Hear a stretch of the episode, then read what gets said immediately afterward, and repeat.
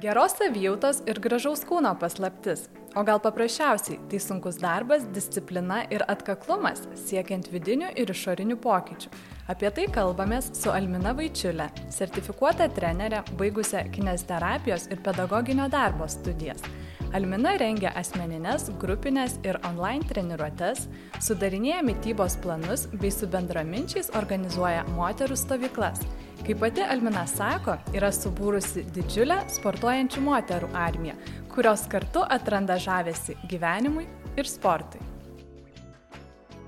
Almina, kaip sportą pati atradai savo gyvenime? Kai ruošiausi pokalbį, skaičiau, kad vaikystėje buvai lengva atletė, sportas jau daugiau nei 20 metų tavo gyvenime, Taip. tai pasidalink, papasakok tą istoriją, kaip viskas atsirado, prasidėjo ir koks buvo tas tavo kelias. Mm. Tai pirmiausia, galim pradėti nuo to, kad nu, sportas man niekada nebuvo svetimas.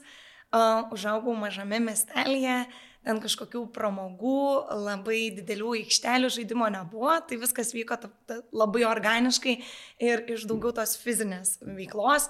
Tai lipimai ant tvoros, kas ilgiau ilgesnį atstumą nais, bėgiojimai ant garažų stogų, ant viso ko, tai tas toksai judesys buvo visą laiką mano gyvenime. Ir kai reikėjo, prisimenu, pasirinkti jau 12, 12 klasiai tą studijų kryptį, kur bandysiu stoti, tai kažkaip net nebejojau, kad tikrai tai bus kažkas susijęs su judesiu, su sportu. Ir kadangi sportavau lengvai atletiką nuo 5 klasės, ir 12 klasėje taip pat sportavau, tai galvoju, kinezioterapija čia turėtų būti ta, tas rytis, apie kurią nu, aš noriu ir čia apie mane. Tai, bet įstojau pirmiausia į slaugą.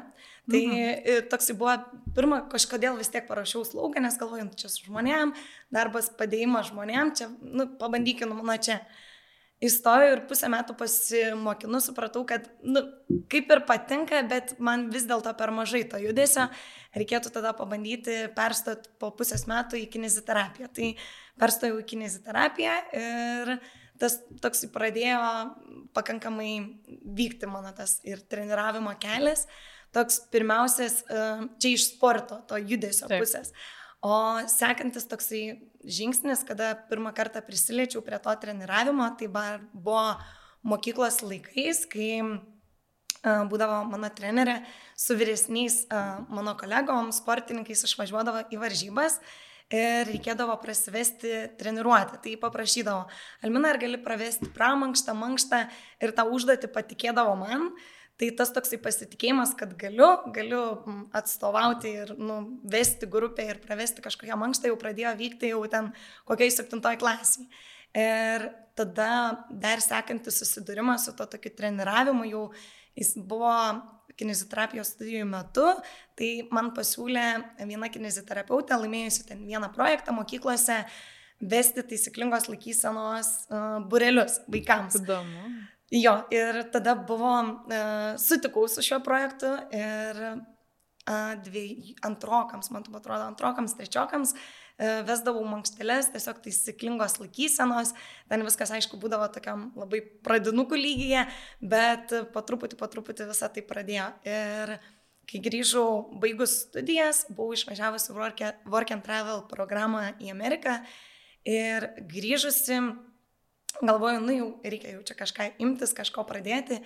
Ir buvau tuo metu uh, radusi Lietuvoje tokį išimtinai niekur nematytą konceptą uh, trenerių komandos, uh, kurie dirbo su žmonėm ir aš pamačiau, kad nu niekas taip nedirba, uh, tiek dėmesio daug klientai nerodo, kiek būtent ši komanda. Ir jie kaip tik tuo metu atidarinėjo sporto klubą.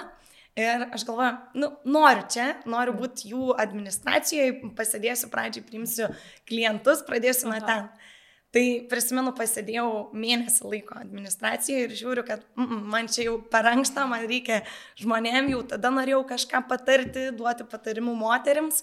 Ir tada po mėnesio išėjau po truputį, po truputį į salę, darbuotis to pasitikėjimo kaip ir uh, užteko, nes buvo tik ką baigusi kineziterapiją, tai pakankamai tą kineziterapijos žinias, kolegų mat, matomą patirtį ir pritaikys ją savo darbe, po truputį, po truputį taip įsivažiavau į treniravimą visą. Ir dabar jau penkti, šešti metai eina, kaip mhm. esu trenerė, jau, jau grinai trenerė, o ne ten uh, po truputį Taip. kažkur įsiliejusi visą tai. Tai, tai kelionė tokia. Labai įdomus kelias. Gerai, tai tada neriam į tą sportą. E, fizinę veiklą, ar gali pasidalinti, o kodėl, nu, iš viso, sportas, fizinė veikla, kuo jinai mums naudinga, kodėl turėtume sportuoti, kodėl turėtume nepamiršti ir tą nuolat daryti, kur yra ta paslaptis, kad, nu, per kokius mechanizmus e, sveikatos, geros savijautos mums padeda. Mhm. Tai aš iš tikrųjų sportą gale tikiu taip stipriai, kad aš visą laiką, ar ten kokios stovyklos metu, ar kai su klientėms savo šneku, sakau, galėčiau užlipti ant Gedimino kalno ir šaukti, kad visi sportuokit, nes būtų daug laimingesni ir pasaulis bus daug gražesnis. Tai ta sportuojančių bendruomenė man aplamai labai įdomus kaip žmonės, kadangi dažnai bendrauju ir jie būna tikrai daug pozityvesni žmonės, vien iš tos jų tiesiog emocinės jų pusės. Tai kodėl tas sportas mums reikalingas? Tai daugelis, kadangi dirbame sėdimą darbą ir neskiriame daug laiko sportui, susidurime su įvairiausiais skausmais, kaklo, nugaros skausmais, pečių juosmens ir dažniausiai tai būna kertinis momentas, kuomet nusprendžiame, kad jau viskas, jau pradėsiu sportuoti, užsimsiu sportu ir taisysiuos visas šias, šias problemas. Ir ateina daugiausiai klientai tokie, kurie e, jų biologinis amžius yra, tarkim, 35 metų moteris, bet jų kūnas atrodo visiškai kaip 60 metų Ir aš labai dažnai juokiuosi, kad klientams, sakau, atėjai kaip 60 metė, net negalėjai nei pritūpti, nei ten kažko padaryti, iš karto dūsdavai ir panašiai. Sakau, po truputį, kai jau po truputį sportuojam, sakau, nu jau dabar 50 metės, kūnas, nu jau dabar jau ten 40 metės ir kol palaipsniui grįžtam į tą savo tikrąjį amžių ir žmonės m, mm, net keista jiems, kad kaip galėjo anksčiau taip jaustis ir net pamiršta tą mhm. savijautą ir dabartinę tą savijautą labai pradeda vertinti. Ir sako, niekada daugiau negrįšiu į tą pradinę būseną, nuo kurios pradėjau. Tai turim savim rūpintis, aš manau, nuo kuo mažesnių dienų pradėsim rūpintis, e, tuo tuos įpročius tiek sporto, tiek sveikos mytybos susiformuosime anksčiau ir tai nebus kažkoks uh, um, neįmanomas dalykas, kai nuo 30 metų tik tais pradedu rūpintis savim ir tai tikrai pakankamai didelis iššūkis būna, nes dažnai jau turime, uh, moteris turi jau šeimą sukūrusias, vaikus, darbai, karjeros ir to rasti sporto. Uh, laikui, laiko sportui, tai iš tikrųjų būna joms sudėtinga. Mhm. Uh, tai kuo anksčiau pradėsim rūpintis savim, kuo vaikams savo dėksim tuos įpročius tiek sporto, tiek mytybos, uh, tiek tuo bus mums paskui lengviau. Ir Tai sakau, sportas, aš nežinau, galėčiau agituoti visus sportuoti ir man čia atrodo tikrai tas dalykas, kuris gali tikrai pagerinti tiek emocinę, tiek fizinę būklę kiekvieno žmogaus iš mūsų ir pagerinti tiesiog gyvenimo kokybę. Į tavo gyvenimą, Almina, sportas atėjo labai natūraliai, nuo vaikystės. O ką daryti žmonėm, kurie neturi tokios rutinos, neturi susiformavusių tokių įpročių ir jaučiasi kaip ir nelabai gerai, bet vis tik norėtų, tai nuo ko vat, jiems reikėtų pradėti? Mhm. Tai iš tikrųjų labai daug žmonių tokių ir klienčių, kurios ateina pas mane irgi būna, pirmiausia, paklausiu, kokia intencija, koks tikslas, koks noras. Tai pirmiausia, va, nori moteris ar numesti svorio, sustiprinti kūną ir nori pakeisti gyvenimo būdą, nes jau viskas, jau nebegaliu taip gyventi. Um, tai Pirmiausia, ką sakau, dažniausiai žmonės iš tikrųjų būna jau pabandę, kažkada yra sportavę ir metai ir dažnai tas jau būna kažkas pradėta, bet vis mesta, mesta, mesta, mesta. Tai toks pirmiausias būtų patarimas um, iš to, kas buvo praeitie, pasidaryti tam tikras išvadas.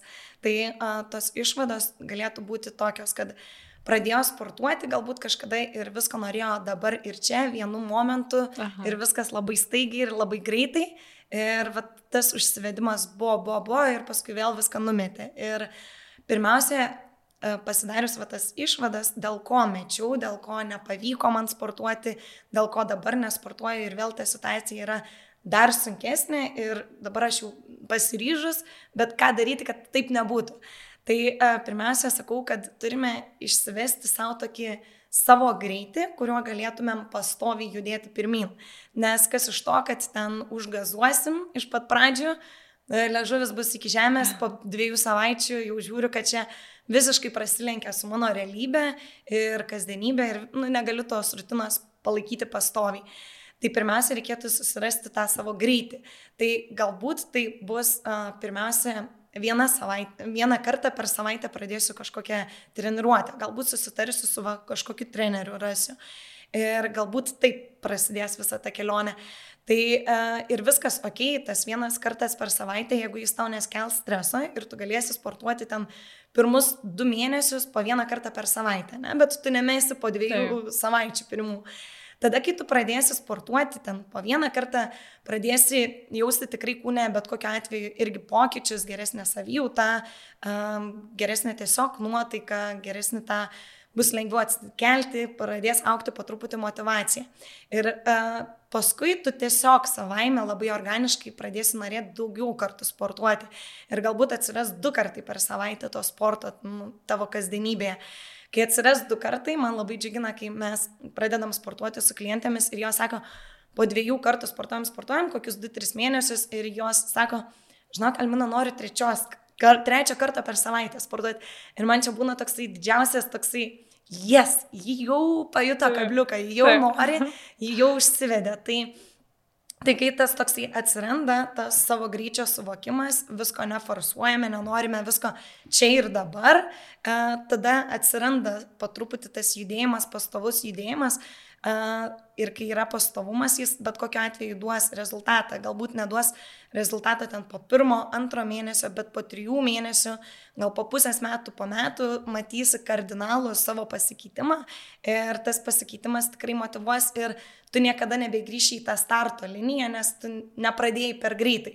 Tai pirmiausia, tiesiog, kaip sakau, pirmiausia, pažiūrėti savo dienotvarkę, kada galėčiau skirti tą, tam sportui laiko ir uh, skyrus laiko tiesiog įsivaizduoti, kad tai sporto laikas yra kaip pas kokį gydytoją vizitas ar kažkoks svarbus momentas, tau skambutis su tam tikru svarbiu žmogumi tau ir tu jo negali praleisti. Ne? Ir tu nu, okei, okay, vieną kartą per savaitę, paskui du kartus, paskui tris ir po truputį, po truputį tas mechanizmas užsikuria ir nereikia tiesiog per greitai pradėti, tai. kad nereikėtų tiesiog visko mesti. Toksai. Tai iš tiesų ta motivacija turėtų gal net nebijoti, kad jos labai didelės neturi pradžioj, kad jinai natūraliai atsiras, kai pamatysi, kad geriau jautiesi, keičiasi tavo išvaizda savijauta, ar ne? Taip, tikrai taip, aš ir net sakau klientams, uh, motivacija pradžiai tave turi motivuoti, nėra motivacijos, įsivaizduok, nėra motivacijos, e, yra tik tais tavo rutina, disciplina, kurios dabar tu laikysies.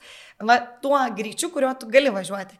Ir kai tu pradėsi laikytis, va, savijauta pradės gerėti visą kitą, tada atsiras motivacija. Tada suprasi, kad man tai patinka. Aš taip jau pradedu mėgti gyventi, man patinka ta savijauta, nebenoriu grįžti ten atgal, kur buvau. Ir tada ta motivacija va, ir užauks ir atsiras. Bet pradžiai nėra motivacijos, visiškai yra tik tais toksai pasiryžimas ir disciplinuotas darbas. Kad ir kaip galbūt šiek tiek griežtai skambėtų, bet reikia tiesiog tą po truputį, po truputį pradėti daryti. Tai iš tiesų čia tai norėčiau net taip staptelti ir užfiksuoti žmonėms, kurie neturi tos motivacijos, kad tiesiog pasiryštų, įsipareigotų savo, e, turėti va tą discipliną ar ne, rutiną ir atkakliai jos laikytis, kol atsiras motivacija. Taip, tikrai taip, nes dažniausiai mes visi žinom, ką reikia daryti, taip. bet tiesiog nedarom. Aš Primenu, prisimenu tokį uh, momentą, kaip praeitų metų, uh, va žiemą klausiau, kaip tik Karolinas, mes Karoliną online sportuojam, uh, Karolinas klausiu, ką man daryti, man jau čia lūpos skirsta, jūs plyšta, vos nekrūjas bėga, ką man daryti. Sako, o tepiu vazelinu, tiesiog drėkini tas lūpas. Taip. Nu jo, vakar pradėjau vos ne va tokiam. Ir kaip ir aš žinau, kad nu, reikia tiesiog rūpinti savim ten ir tom pačiom lūpom žiemą pasirūpinti, bet tiesiog to nedarydavai. Ir šią žiemą jau kaip nu, rudenį pradėjau tepti ir dabar jokių problemų nėra. Tai tiesiog mes visi viską žinom, bet nepradedam daryti. Mhm. Tai pirmiausia, reikėtų tiesiog pradėti daryti, o kai tu pradedi daryti, tada atsiranda kažkoks noras, didesnis poreikis žinių, didesnis poreikis kažkokių savo laiko, prioritizuoji ir skiri daugiau tam, bet pradžiai tiesiog turime pradėti daryti ir nėra kažkokios magiškos piliulės, kaip daryti, Taip. tiesiog atsistoji, nueini į treniruotę pirmą, čia padariau, viskas liuks valio, važiuojam toliau, kitą dieną lygiai tas pats atsikeliu, žinau, kad turiu įti treniruotę, čia mano sutartas laikas, šventas laikas ir paskiriu tam sportui. Ir kai įsivažiuojam, tada atsiranda didesnis ir poreikis, ir žinių, ir motivacijos, ir viso ko. Bet pradžiai tiesiog turim atsistoti daryti. ir daryti jo. Čia toks tai pagrindinis dalykas.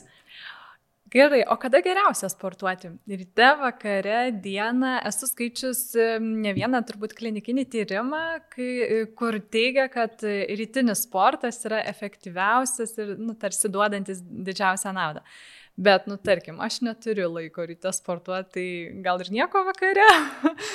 jo, tai uh, šiaip kiekvienam labai individualiai reikėtų sekti savo organizmo poveikį po treniruotės. Ir, bet šiaip iš tiesų yra rekomenduojama ryte geriausiai yra sportuoti, nes kūnas yra geriausiai palisėjęs, visa nervų sistema, ta didžiausia koncentracija dar išlikusi.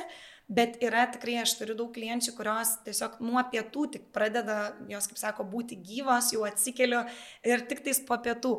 Tai labai priklauso individualiai nuo žmogaus, bet aš manau, kad tas sporto laikas, jeigu, tarkim, mane tau be galo sunku ryte atsikelti ir ten bėgi, lėki, darbai, vaikai ir visa kas, tai galbūt ne, tas sporto laikas nusikelia į vakarą ir viskas, okei, okay, tai nebus tragedija, kad pasportuosi vakare ir ten nebus naudos. Tai, tai. Bus nauda tikrai didžiulė, svarbiausia reikėtų tokį išsikelti laiką, kada tu tikrai va galėtum sportuoti, čia tavo tas laikas ir galėtų būti pastovus tas laikas. Tai e, jeigu ir per pietus tiks, tai viskas ok ir tokį rekomenduočiau tą tokį bendrai e, pastovumą įsivesti. Ne? Jeigu ten jau sportuoju dažniausiai vakare, tai daugiausiai ir tą vakarą paskirti tada vakare sportui, nes kūnas irgi pasiruošia ir žino, kad jau artėja mano mhm, laikas sportui, jau kūnas bus pasiruošęs ir visa irgi tiek hormoninė sistema, tiek nervų sistema jau bus pasiruošęs treniruotėjai. Bet vėlgi dar reikėtų pastebėti, kad vakare, kai pasportuojam, irgi suaktyvėjam labai ir po treniruotės išskyręs dopaminas, visi hormonai gali kiek trikdyti užmygimą vakare, tai reikėtų irgi pasižiūrėti, ja. koks tas poveikis. Jeigu labai nu, po treniruotės jaučiamės užsihypinę ir paskui negalim užmygti, mhm. tai galbūt reikėtų biški pasenkstinti tą sporto laiką, bet vėlgi viskas va to eksperimento būdu, kaip mes patys, kaip mūsų kūnas sureaguoja į tą sporto laiką, kada galim sportuoti. Mhm. O gerai, tada kalbant dar apie e, treniruočių sporto trukmę. Irgi. Mhm. Klinikinių tyrimų metu skaičiau, kad e, Tik 20 minučių sporto duoda labai efektyvius rezultatus, bet ten buvo atliktas tyrimas, man atrodo, sportuojant, na, ne 2, ne 3, bet šiek tiek dažniau, kartų per savaitę, kad tik 20 minučių ir jau mes turim labai gerus rezultatus. Tai kaip tu matai, 20 minučių čia užtenka ar vis tik truputį per mažai? Mhm. Tai pirmiausia, reikėtų irgi atsižvelgti galbūt tok, koks yra mūsų tikslas. Um, jeigu mes ten norime, nežinau, pasiekti, išvykti į olimpiadą sportuoti ir jeigu sportuosim 20 minučių per dieną, tai tikrai bus mažai. Bet jeigu mes norime va, pradėti sportuoti um, ir niekaip nepavyksta, niekaip nerandam laiko per savaitę skirti galbūt um, daugiau to laiko, tai 20 minučių, tarkim, mane irgi išskaidžius 4-5 kartus per savaitę bus daug geriau negu nieko nedaryti. Ir galbūt uh, šiaip optimaliausias toks variantas yra valanda laiko. Uh, Bet daugelį, kol įsivažiavimui tas valanda laiko, dieve, atrodo košmaras, valanda laiko aš čia turėsiu sportuoti. tai geriau irgi tada pradėti nuo galbūt lengvų mankštų. Jeigu mūsų tikslas daugiau sveikatingumo, tiesiog jaustis gerai, užsitvirtinti savo gerą e, fiziologiją, e, fizinę būklę ir emocinę, tai tada tikrai geriau atsikėlus ryte, jeigu ten turim tikrai 20 minučių, neskubant, tai tikslinga tiesiog skirti laiko 20 minučių ir ten keturis kartus per savaitę bus tikrai viskas ok. Tai valanda laiko, aš sakau, toks optimaliausias, mhm. bet jeigu reikia prie to priaukti, priaugamės prie to. Uh, bet daugiau negu valandos, valanda 15 kažkur čia būtų optimal, nu, toksai optimalus, valanda, valanda 15 bet yra tikrai žmonių, kurie praleidžia sporto salėje dvi valandas, ten yra kas dar daugiau praleidžia. Tai tikrai, nu, tai nėra efektyvu, tai visiškai tiek žiūrint į mūsų paskui atsistatymo visus procesus, į viską, tai nu, nereikėtų tiek daug sportuoti, nes ir koncentraciją pametam, mhm. ir tas sportas išsitempia ir ką galėtum galbūt per valandą padaryti, jeigu tu ten salį vaikštai su telefonu, darai per traukėlės poilsio be galo ilgas, tai tikrai nebus nu, efektyvu.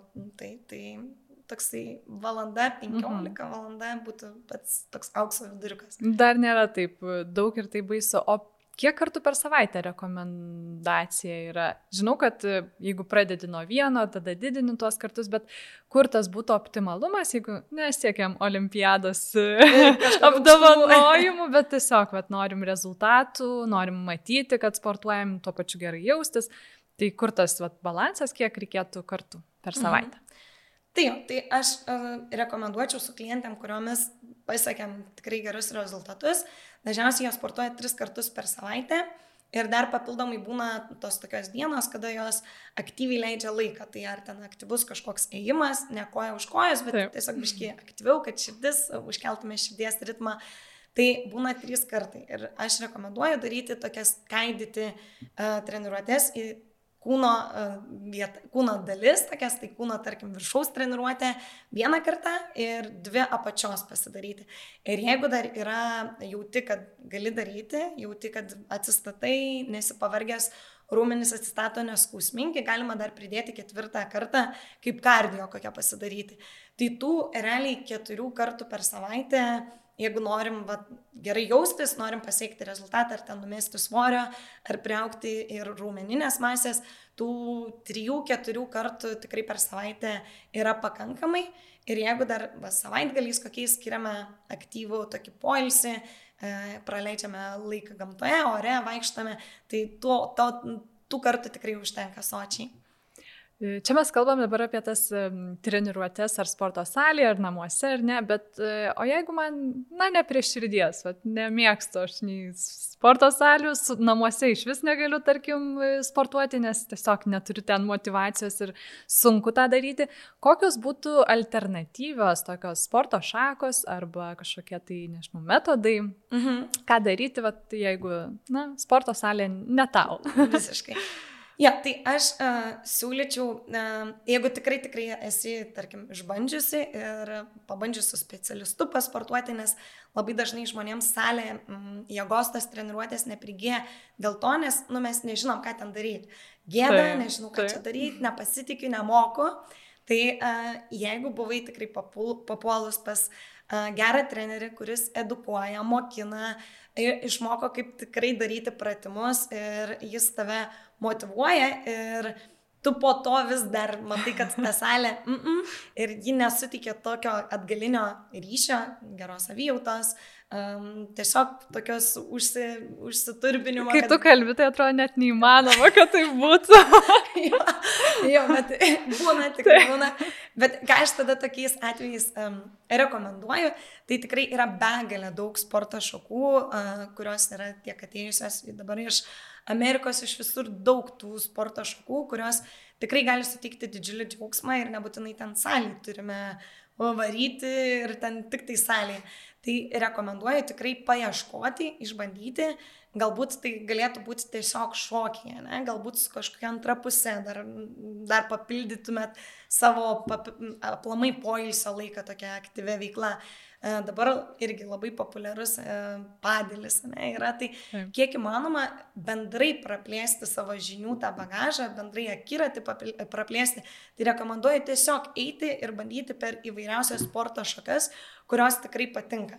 Ir yra tikrai begalė daug alternatyvų, tai jeigu niekada nesportavęs žmogus, labai daugelis dažnai bėgiojimas čia toksai on top labai populiarus, bet vėlgi e, labai rekomenduočiau neperspūsti irgi su to bėgiojimu, nes jeigu kūnas yra ne, netreniruotas uh, ir jeigu išeiname tiesiog pabėgioti, nes čia populiaru, visi bėgioja ir toksai, nu ir aš dabar bėgiosiu, nes čia visos žvaigždės ar dar kažkas bėgioja, tai aš jį irgi pavarysiu. Dažnai būna, kad pradeda kokią nugarą, pradeda skaudėti, pradeda kelius skaudėti, bet viskas tai atsitinka dėl to, nes jūsų kūnas, jūsų rūmenys nėra pasiruošę tam krūviui. Ir um, kiekvieną, pavyzdžiui, atsispirimo bėgimo metu uh, gauname kažkokią jėgą, ne, su žeme, turim atsispirti, yra apkrova stuburai. Ir jeigu raumenys mūsų nelaiko, ne, raumenys tokie drebučiai, tokie žėlė, tai viskas, mm. visa apkrova tenka ant sanarių. Tai jeigu sanariai mūsų apsikrauna, tai galutiniam rezultate turim kelių skausmus, turim nugaros stuburo skausmus vien dėl to, kad mūsų raumenys yra nepajėgus atlaikyti tokį krūvį ir nepajėgus amortizuoti tų visų judesių. Tai pirmiausia, rekomenduoju susitvirtinti kūną, susistiprinti, o tada jau pradėti užsimti įvairiausiam veiklomis. Tai, tai gali būti tiesiog, ne, galbūt pilaitėsas dabar ant, nu labai daug ant populiarus yra taip pat. Tai jis sustiprina irgi visus giliuosius raumenis, kūno raumenis ir kai yra kūnas pasiruošęs, jis jau gali išbandyti tikrai įvairiausių daugelį sporto šakų. Tai. O ką pati mėgsti? Gal turi kažkokių dar kitų sporto šakų sričių, ką, ką mėgsti? Mhm. Tai aš mėgstu, mes labai turim tradiciją uh, penktadieniais vakare važiuoti pažaisti badmintoną su savo draugais. Tai būna kaip ir susitikimas su draugais, toks aktyvus laisvalaikis. Tai. tai mėgstam labai pažaisti kažkaip ir mūsų tos jėgos, nėra, kad ten super, super profesionalai. Uh, Tai labai faina išeiti. Taip pat, va, kai prasideda šiek tiek šiltesnis sezonas, redučiai, taip pat dviračiai, slidinėjimas, tinklinis, be galo patinka. Tai daug mhm. iš tikro sporto šakų mėgstu ir aš manau, kad mūsų kūnas turi toksai būti paslankus viskam, nes aš prisimenu irgi pasidalinsiu istoriją, kai, kai užsisportavau tik tai salėje ir sportavau du metus, man atrodo, tik tai salėje ten su svoriais, maks įtampa viskas tvirtai. Ir aš prisimenu, vasarai išėjau su draugais tiesiog va, paplūdimio tinklinį pa, pažaisti. Seniau tikrai labai gerai žaisdavau lengvai atletiką, ten vikrumas, viskas buvo. Taip. Ir aš ten keletą šoliukų tų padariau, o salėje dažniausiai nėra ten kažkokių labai aktyvių tų judesių. Ir man keliai dreba, aš visą drebu. Ir galvoju, eik tu savo, nu čia tikrai jau blogai, taip neturėtų būti, aš nenoriu taip jaustis. Ir, nu, tai Taip. ką čia pasakysiu, draugams sportuoju, sportuoju, o čia pa, pamušau kelis kartus šaliukus, kelis padariau ir jau kojas dreba. Tai nuo tada supratau, kad um, negalim apsiriboti vien tik tais viena sporto šaka. Jeigu norim jaustis taip visapusiškai, fiziškai pajėgus būti viskam, tai turime nu, duoti kūnui įvairiausio krūvio. Mm. Tai nuo tada prijungiau ir bėgiojimą, ką buvau užmiršusi nuo lengvosios atletikos, tai atsirado bėgiojimas, kažkokie aktyvesnės treniruotės, kur jau būtų šiek tiek tokių lengvų šaliukų, nes mhm. kūnas buvo kaip ir tam pasiruošęs, raumenys mane laikė, tik nes negaudavo to krūvio, tai. kuris būtų toksai aktyvesnis. Tai supratau, kad nu, tikrai noriu to aktyvaus kūno ir kuris būtų pajėgus. Ir dar viena istorija, kurią pasidalinsiu, tai buvo iš salės toks kočiokas, nu, kuris galvoja, kad kočiokas yra ir sakau, organizavom uh, žiemą važiuoti paslidinėti. Ir sakau, važiuojam paslidinėti, kai Haina čia taip ir taip. Jis sako, negaliu važiuoti, o jeigu susilaužysiu koją ten ir panašiai negalėsiu salėje sportuoti. O oh my god, galvoju, tokią įdomią pramogą tu praleidi vien dėl to, kad galvoji, čia esu toks tvirtas ir nu, neskiri tokių pramogų, nu, kurios tikrai suteikia didžiulį džiaugsmą ir tai irgi yra sportas.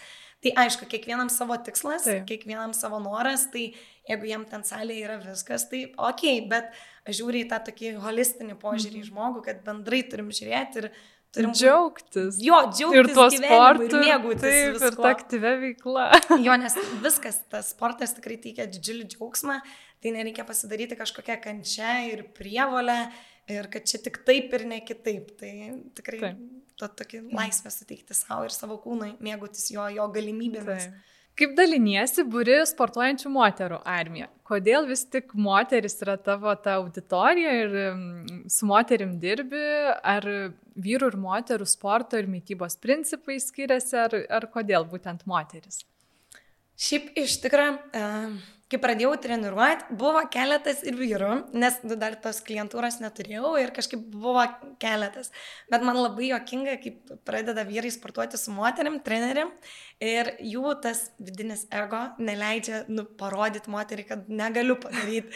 Ir kad ir kaip blogai darytų pratimą, vis tiek darys. Tai man toksai uh, su moterim, uh, moteris viena kitą tikrai geriau supranta. Aš jaučiu jas, ne, vis tiek, nu, toksai Taip. palaikymas. Uh, ir jeigu ne, nebūtų galbūt klientūros, reikėtų, um, nu, tiesiog nebūtų, tarkim, darbo, tada neskirčiau galbūt ar tai vyrai, ar tai moteris, bet galbūt tai vis tiek būtų moteris daugiau ir, ir tada nebūtų to skirstimo. Bet iš tikrųjų man moterų niekada netrūko, kad reikėtų to tokio ir mhm. vyrų kompanijos. Ir man kažkaip moteris jos pasitikė manim, aš pasitikiu jom ir vieną kitą tikrai gerai suprantam, nes tas trenerio darbas dar taip pat yra ir psichologo kartais darbas ir kartais matai, ateina klientė visiškai pervargusi ir turi tikrai moterų karjeriščių, kurios nu, siekia tikrai tiek ir karjerai, bet to pačiu ir sporto nori, to pačiu ir šeimos, visko, nu, to Taip. pačiu viskas. Ir kartais matai, kad nu, jei treniruotę šiandien išpušinti jos tikrai nereikia ir kartais reikia tiesiog lengvą treniruotę padaryti ir tas supratimas ir moterų toksai daugiau atvirumas leidžia priimti ir pasiekti tą geriausią rezultatą iš tos pusės. Tai man kažkaip atrodo, kad ir jos manim labai gerai mhm. pasitikė ir aš. O vyrai, jie, kad ir bus bloga diena, stengsis neparodyti, bet du to rezultato, nežinau, pasiektumėm, žinoma, bet um, kažkaip su moterim tą geresnį ryšį randam. O ar skiriasi treniravimas, tai žinoma, šiek tiek skiriasi dar bendrai nuo tikslų dažniausiai, tai vyrai vis tiek nori dažniausiai užsiauginti masės, nu, irgi yra numesti svorio nori, bet aišku, apkrovos, šiek tiek kitos mhm. metodikos, pas vyrus daugiau tokios vyrauja, daugiau to tokio vyriškos energijos mhm. yra. Gerai, o kaip pasirinkti trenerį tinkamai? Ar moteris būtum, ar vyras, na, nesvarbu, bet į ką atkreipti dėmesį, kas svarbiausia, kad, na, ta pradžia, jeigu aš pirmą kartą ateinu į sporto salę, kad jinai nebūtų vis tik bloga mhm. ir, ir ne, net baidytų toliau sportuoti. Jo, čia tikrai pakankamai toksai labai svarbus dalykas, nes um, prisimenu, kaip mano tėvukas ir brolis žaidžia stalo tenisą. Ir prisimenu, tėvukas nuvedė mane, nu, tai čia mes irgi žaidžiam, tai tu irgi vos nepabandyk stalo tenisą pažaisti. Ir mane nuvedė pas uh, trenerį, kuris, um, nu, buvo, aš nežinau, labai blogas man pavyzdys ir prisirūkęs, storas ir mane ten už galo mokindavo kaip tą raketę pasimti. Ir aš ten vos nevemdavau atsistojus, nu buvo labai blogai. Ir ta patirtis, vien kad žmogus man pasirodė jau tada vaiko akimis neprofesionalas, man visiškai atbaidė ir nuo to sporto. Aš nenorėjau daugiau bandyti, man užteko to prislėptimo prie stalo teniso, vien kad nu, turėjau blogą e, mhm. patirtį su treneriu. Ir tikrai yra daug merginų ateina irgi tokių įvairiausių patirčių turėjusių ir kur būna perspaudžiama, neįsiklausoma, į poreikius ir tada, jeigu perspaudžiama, įvyksta tas perdegimas ir toksai atmetimo reakcija įvyksta ir nu, tas sportas galbūt ir dėl to gali net neprigyti, nors gal ten jeigu būtų patekusi pasitinkamą specialistą, būtų viskas buvo gerai. Tai trenerio darbas daugelį galbūt atrodo toks easy darbas, kad, ai, nu čia pas, būna geriausias, pabaigiau, pasirengiau varžyboms, jau čia gerai pati atrodau, tai čia ir trenerė būsiu gera. Bet trenerio darbas iš tikrųjų reikalauja labai daug žinių, tiek ir anatomijos, biomechanikos, turi suvokti, kaip dirba tavo kūnas, e, kaip dirba tavo raumenis, visa nervų sistema ir nėra tai tiesiog toksai atmestinas darbas, e, bet dėja, kadangi Lietuvoje nėra kažkokios griežtos kontrolės, kas gali dirbti sporto treneriais, tai užtenka pasibaigti mokymus ten labai nu, elementarius ir galima dirbti. Ir dažnai nu, ta, ta mūsų sporto industrija turi ir nekokių -hmm. specialistų. Mm. Tai be galo svarbu atkreipti, kad treneris, pas kurį einame, kad jis būtų tas žmogus, kuris būtų suinteresuotas į tavo progresą, į tave patį. Nekalbu apie tas situacijas, kai pasiema telefoną ir ten klientas daro ar tik skaičiuojama Tai čia iš viso yra labai blogai ir Bet treneris tas žmogus turi būti autoritetas tau, jis turi edukuoti tave, mokinti tave, kaip iš tikrųjų taisyklingai sportuoti ir kad tu, nesvarbu, kad nebeisi pas trenerių daugiau sportuoti, kažkur įsi kitur gal, ar kažkur išsikraustysi, nebetiks gyvenamoji vieta, tu turi po trenerio mokėti sportuoti ir žinoti tam tikrus dalykus, kaip tas kūnas dirba ir jeigu ateitų kas nors tave pataisyti, kad tu irgi nu, mokėtum pasakyti, dėl ko tu čia visą tai darai. Tai aš, kai treniruoju klientes, tengiuosi didelį dėmesį atkreipti į jų edukaciją, į tą taisyklingo, kad ir va, elementariausio pritupimo mokymą, nes kiek esu daug klienčių turėjusios, nesvarbu, ar moteris sportavusi ar nesportavusi, ar turėjo kažkokių labai didelių bendrų sąsajų su sportu, pritupimą mes mokomės nuo pat, pat, pat pradžių, tą elementarų, su elementariausiais detalėm ir pamokymais, kodėl čia taip ir ne kitaip. Ir kai žmogus supranta, kaip iš tikrųjų taisyklingai daryti, tai jam tai ir atsiranda to pačiu ir meilė tam sportui, nes jis žino, ką daryti, o ne nueinu kažkur į didžiulę parduotuvę ir nežinau, kur čia ką man ieškoti. O kai ateini į salę, tu žinai, ką turi daryti, tu moki daryti, tu pasitikė savim, tu žinai, kad iš kampo būna moteriams didžiulė baime, nefilmuos tavęs, nes blogai kažką darai, tada ir viskas, okei, okay, ir tada nebebijai tos salės kaip kažkokia didžiulio baubo ir tiesiog po truputį pradedi visą tai sportuoti. Tai trenerio darbas, turime eiti pas tokį specialistą, iš kurio jaučiame viską, mes irgi augam, e, ne tik siekiam kažkokio rezultato, bet augame, mūsų akiratis, mūsų tas požiūris į sportą, į mytybą taip pat irgi plečiasi ir nu, mes įgauname žinių, nes mokame pinigus ne už tai, kad treneris paskaičiuotų vienas, du, trys ir viskas. Tai turi būti šiek tiek daugiau ir pats žmogus turi nebijoti atsirinkti, nebijoti keisti specialistą. Ir tiesiog um, eiti pas tikrai gerą ir bandyti, nu, iš bendro logikos suvokimo gaudyti trenerį, nebijoti užduoti klausimų, kodėl taip vyksta. Ir jeigu žmogus atsako, tai viskas ok, galima jo pasitikėti, galim sportuoti ir važiuoti pirmyn. Taip, net tinkamas, kompetitingas treneris tai dalis sporto sėkmės, rezultatų. Tikrai sėkmės, taip. Labai didelė. Tikrai taip. Ir, ir aš tuo įsitikinau, kad čia labai didžiulė atsakomybė būti treneriu ir tu prisėmi į tą darbą, pasižiūrėjau labai atsakingai, kaip prisimenu, kai tik pradėjau trenerės darbą, pusę metų atėjo dirbti mano kolegė ir jos buvo pati pati pirma treniruotė. Ir įvedė moterį į treniruotę ir treniruotės metu moteriai ištiko insultas. Bet čia nebuvo susiję su, kad tai, nu, trenerio kažkokia nekompetencija. Viskas buvo gerai, bet čia buvo tiesiog labai didžiulis atsitiktinumas. Ir ištikus insultui iš karto turi būti labai skubi greitoji pagalba. Ir kad žmogui nunešia gyvybę, net grėsintis toks pavojus kyla.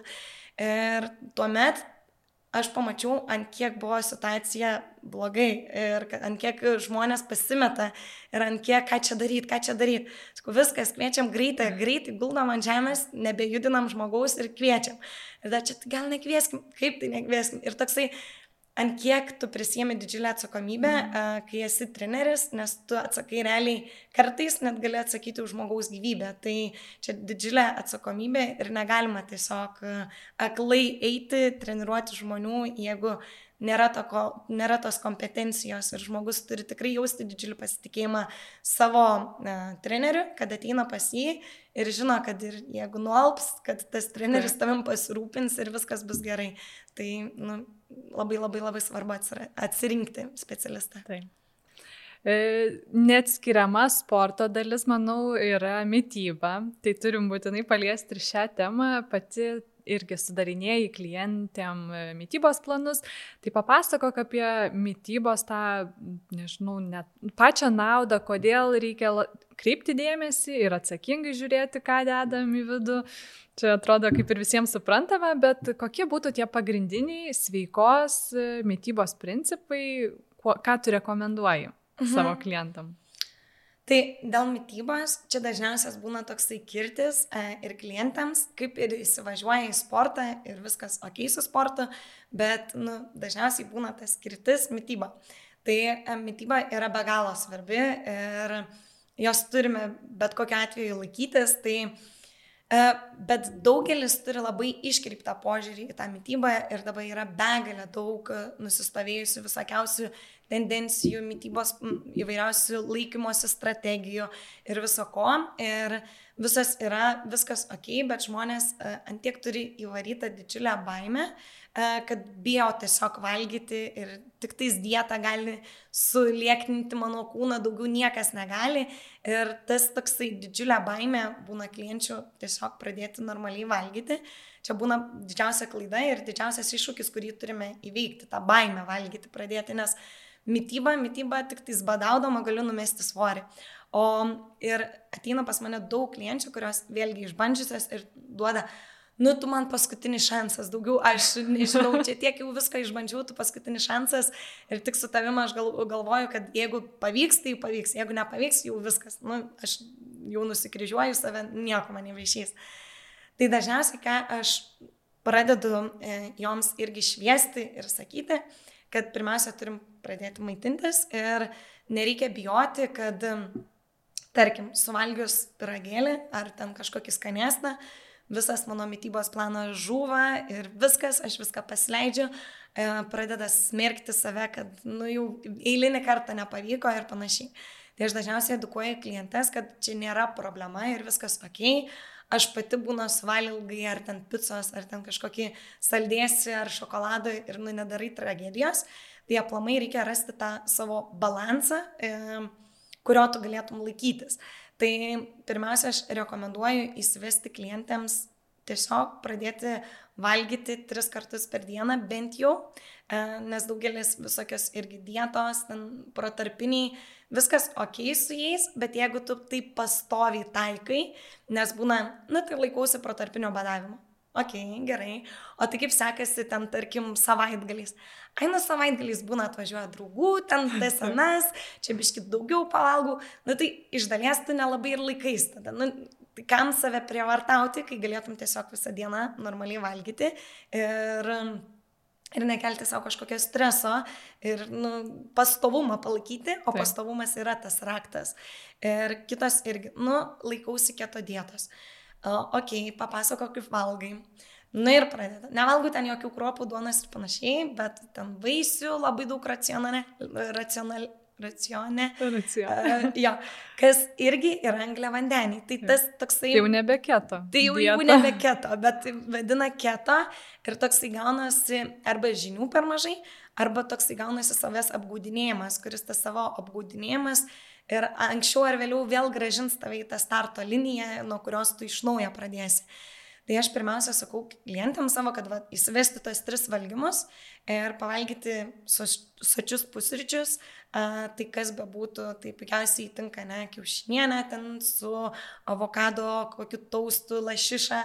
A, jeigu mėgstama saldžiau, tai galima išsikepti irgi iš pasirinkus, tarkim, avižų, speltos, miltus, išskepti blynus su uogomis kokiamis. Tai taip pat tinka košė, įvairius kiti sumuštiniai su, tarkim, liesa mėsa ar ten kažkokia lengva užtepėlė. Viskas, kas būtų tikrai skanu ir tu valgytum ir suvalgęs maistą negalvotum, mm, noriu dar kokį saldainį, nes čia taip neskaniai suvalgiau varkšelės ir kad nebūtų va tokio. Tai pietums, tada pietus, tai pietums rinktis irgi tokias alternatyvas, kurios nu, būtų skanios mums.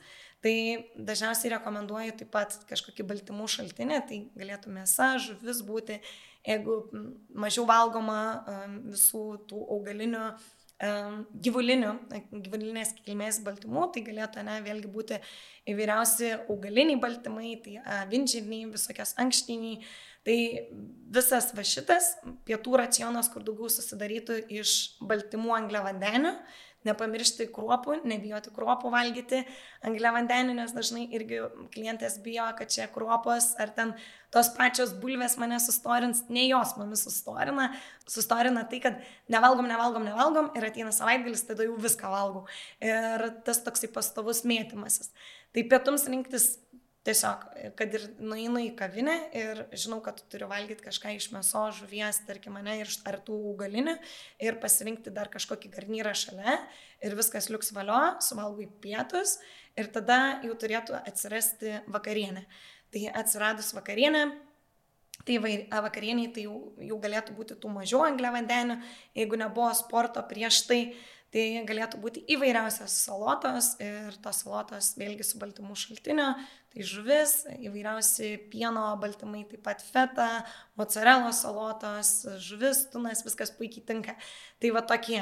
Ir jau pradėjus įsivedus tos tris valgymus, jeigu prieš tai niekada ten nevalgiam, valgiam, tik tais būna tokių man variantų, kur ateina klientės ir paklausiu, ką šiandien valgiai būna, nu dar šiandien nieko nevalgiau, vakare ten valgysiu. Tokių būna kuriozinių situacijų, kur galvoja, Dieve, kodėl tu save taip kankini, Bet tai darbas, stresas, viskas susideda ir tai pirmiausia prieinam prie tų tiesiog trijų valgymų, sakau, dabar turėtų būti tiesiog pradžiai šiek tiek griežtai, ten viskas griūna, atrodo darbas tikrai nesugrius, jeigu tu skirsi laiko 10 minučių pavalgyti, nu tikrai nieko neatsitiks. Ir pirmiausia įsivesti tuos tris valgymus ir dažniausiai po dviejų, trijų savaičių ta medžiagų apykaita sugreitėja. Ir po trijų savaičių man dažniausiai klientės pradeda sakyti, nu žinok, Elmina nori dar maisto, nu kažkaip atsirado alkis. Ir aš tada jas yes, džiaugiuosi, nes jau tada vadinasi tvarkosi visi procesai, medžiagų apykaita tvarkosi. Ir tada sakau, okei, okay, įsivedam dar užkandžius, pasidarom nuo, piet, nuo pusryčiai iki pietų užkandį, kažkoks vaisius riešutai galėtų būti.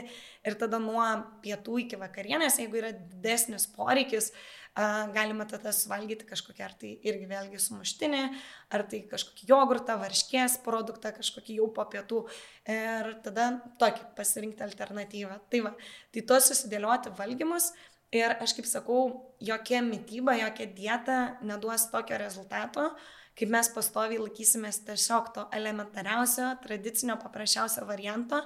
Ir jis tikrai duos labai gerą savijautą ir duos puikius rezultatus, nepriklausomai ar mes norim priaukti svorio, ar užsiauginti masės. Tai reikėtų dar atsižvelgti tas maistinės vertes, bet pradžiai tiesiog nuo jų pradėti, o kai pradedam, įsivažiuojam, jau tada galima irgi ar pasikonsultuoti pas specialistą, kad tikrai žinočiau, kad pakankamai visko suvalgau ir dėliotis tada jau sunkesnius kažkokius visus ja. tos variantus. Bet pradžiai, kai vas sudarinėjau irgi mytybos planus, Tai visą laiką rekomenduoju būna toks dviprasmiškas požiūris apie maisto sverimą. Ar čia sverti tą maistą, ar nesverti ir panašiai. Tai aš pradžiai rekomenduoju šitą dalyką pasidaryti.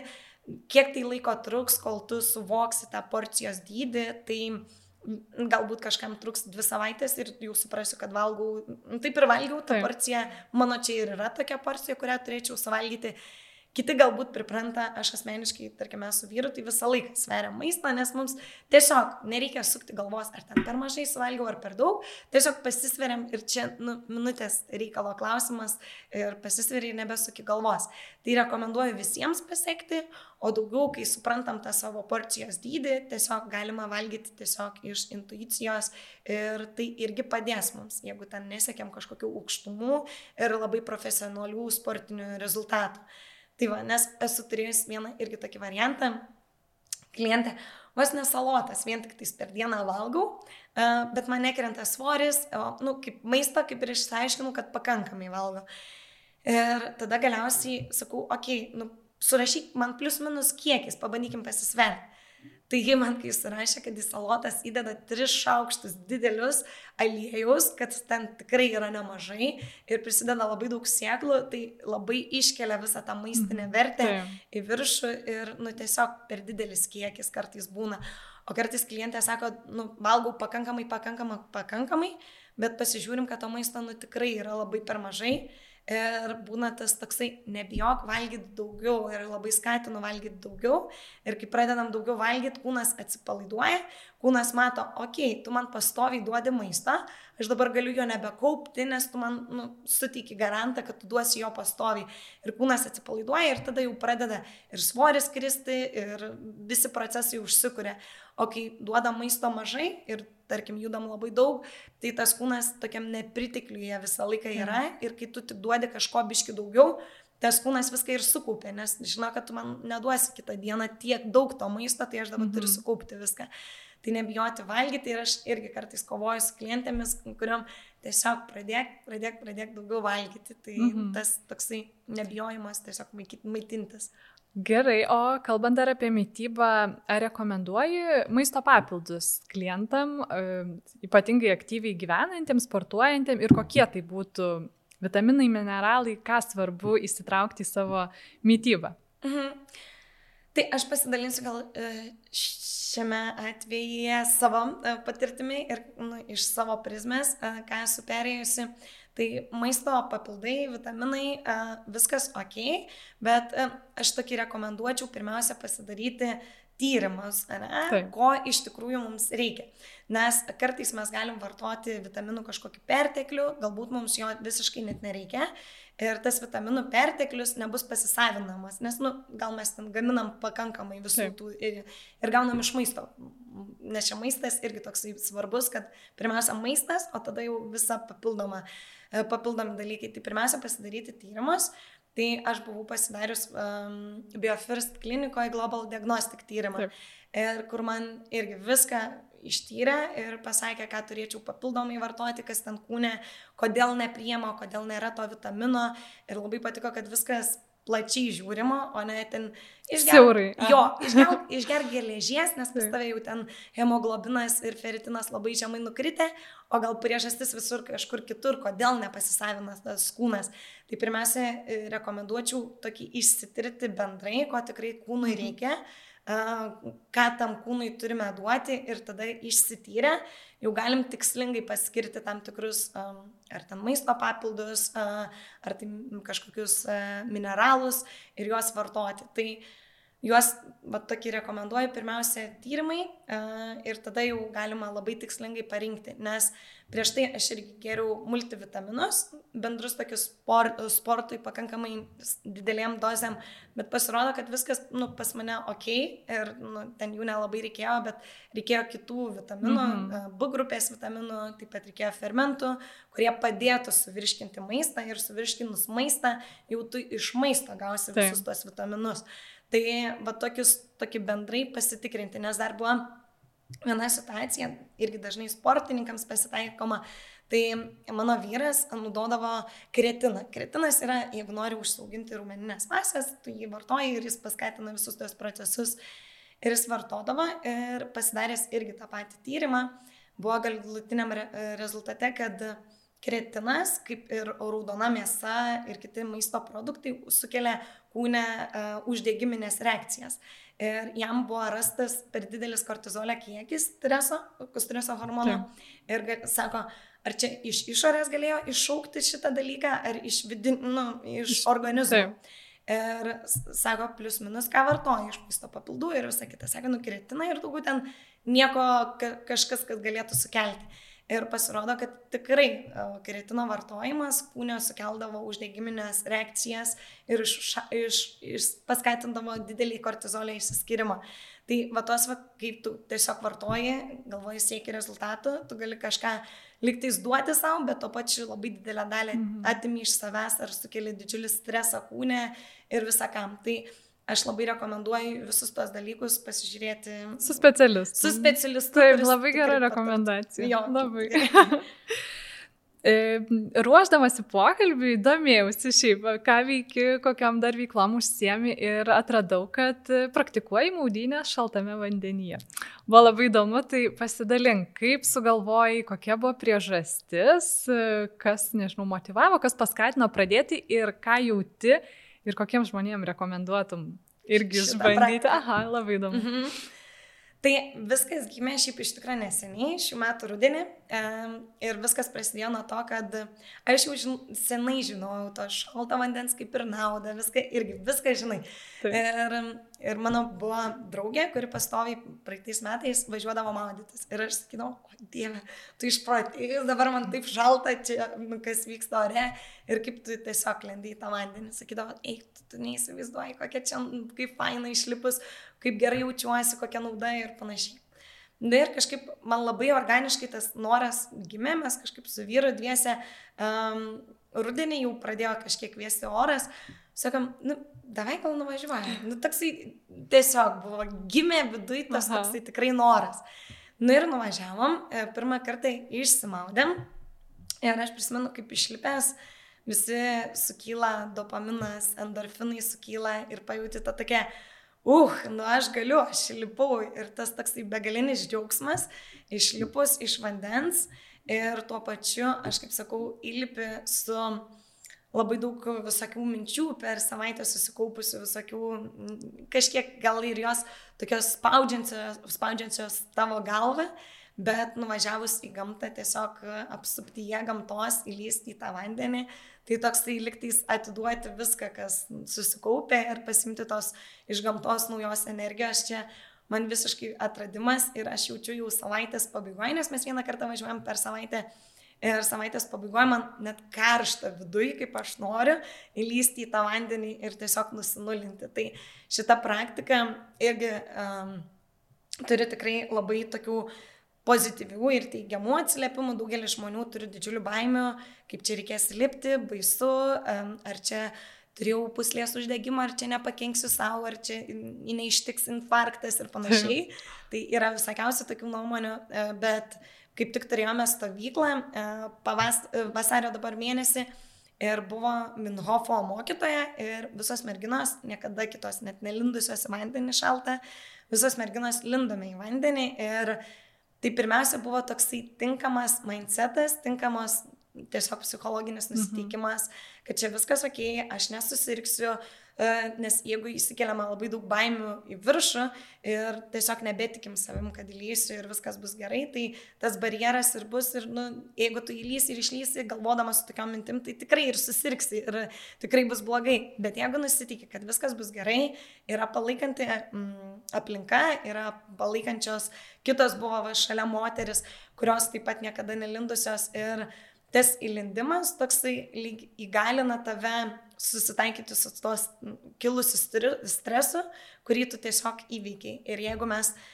tą stresą, kurį mes susikūrėme patys, labai organiškas tas stresas, lindi į vandenį, kūnas reaguoja, įsijungia visos apsauginės reakcijos, lys lauk, lys lauk, kvepuoja intensyviai kvepavimas.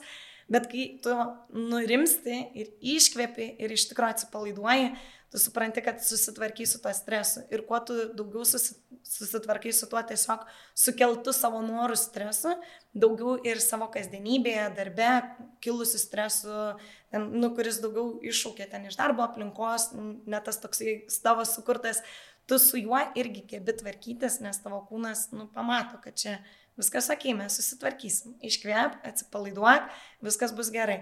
Ir taip dažniausiai ir nu, būna. Tai kiek įmanoma stiprinti save iš vidaus ir tą tokį suteikti savo tikėjimą savim, kad tikiu, kad galiu padaryti. Ir kuo daugiau tokį tikėjimą aplamai nu, gyvenime mūsų, tuo daugiau tiesiog galim eiti ledlaužių į priekį. Taip. Toks.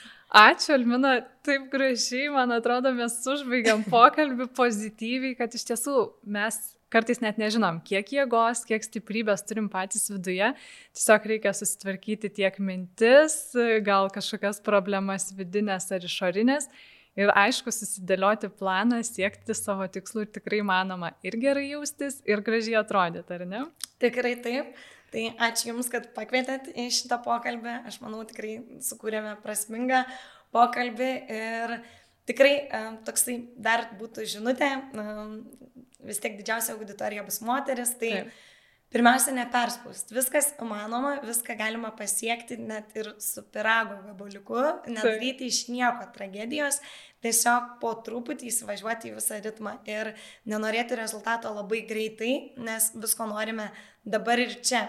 Ir jeigu vis bandome vat, tuo dideliu greičiu užvažiuoti, nustojam, užvažiuojam, nustojam, bet tas vėžliukas, kuris eis labai lietu žingsniu, bet jis visą laiką nuolat eis į priekį, tai jis bus daug daugiau nuėjęs ir didesnę stumą pasiekęs, turės daug geresnį rezultatą, negu tas, kuris nori greitai, bet ir iš karto pavarksta greitai. Tai reikėtų tiesiog rasti tą kūnę balansą ir mėgautis visų tuo procesu. Ir, Nu gerai, pabandysiu, po truputį, po truputį ne, neperspūsti ir daryti visą tai, kad galėčiau padaryti pagal savo jėgas, pagal savo laiką ir galimybės, tiesiog susidėlioti visus tuos dalykus ir tikslingai po truputį, po truputį jų siekti. Ačiū, Almina. Ačiū Jums.